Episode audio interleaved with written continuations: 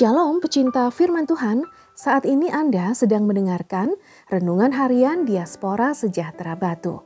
Pembacaan Alkitab hari ini terambil dari kitab bilangan pasal 9 ayat 1 sampai 14. Ketetapan-ketetapan mengenai perayaan Paskah.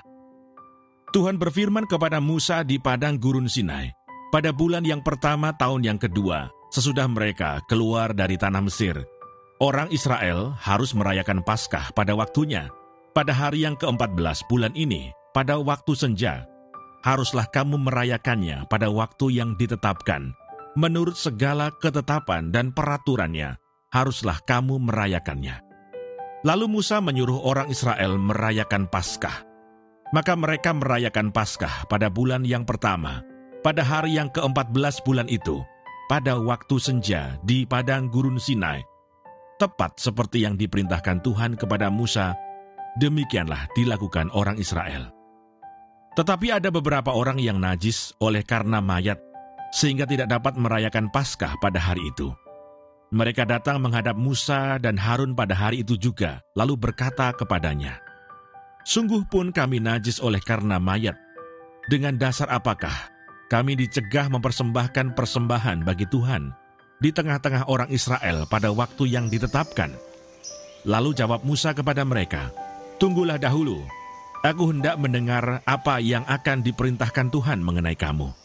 Lalu berfirmanlah Tuhan kepada Musa, Katakanlah kepada orang Israel, Apabila salah seorang di antara kamu atau keturunanmu najis oleh karena mayat, atau berada dalam perjalanan jauh, maka ia harus juga merayakan Paskah bagi Tuhan pada bulan yang kedua, pada hari yang ke-14, pada waktu senja, haruslah orang-orang itu merayakannya, beserta roti yang tidak beragi, dan sayur pahit, haruslah mereka memakannya.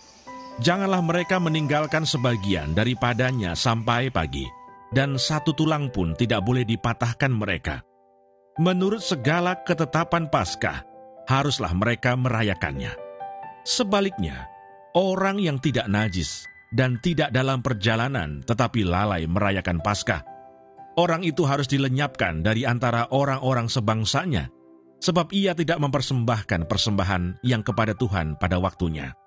Orang itu akan menanggung akibat dosanya. Apabila seorang asing yang telah menetap padamu hendak merayakan Paskah bagi Tuhan, maka haruslah ia merayakannya menurut segala ketetapan dan peraturan Paskah. Satu ketetapan harus berlaku bagi kamu, baik bagi orang asing maupun bagi orang Israel asli. Ayat Mas hari ini dari kita bilangan pasal 9 ayat 6. Tetapi ada beberapa orang yang najis oleh karena mayat sehingga tidak dapat merayakan Paskah pada hari itu. Mereka datang menghadap Musa dan Harun pada hari itu juga. Bilangan 9 ayat 6. Renungan hari ini berjudul Selalu Ada Solusi. Perayaan Paskah menjadi perayaan yang sangat penting bagi umat Israel, sebab Paskah merupakan hari raya untuk memperingati keluarnya bangsa Israel dari perbudakan di Mesir selama ratusan tahun.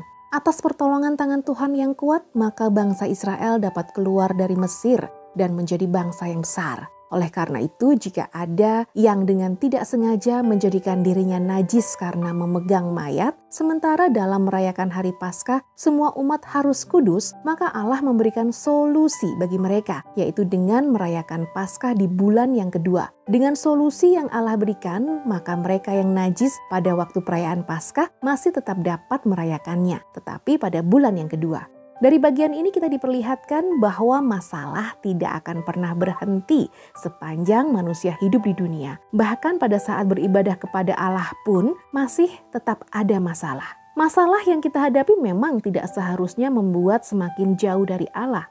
Tetapi masalah harus dapat disikapi dengan bijak dan tidak lupa kita juga harus dapat mengendalikan diri, berserah kepada Allah dan memohon petunjuknya untuk menyelesaikan masalah itu. Ingatlah bahwa Allah tidak akan pernah meninggalkan kita. Allah pasti akan memberikan solusi dalam setiap permasalahan yang kita hadapi. Walaupun solusi yang Allah berikan terkadang unik atau tidak sesuai dengan yang kita pikirkan.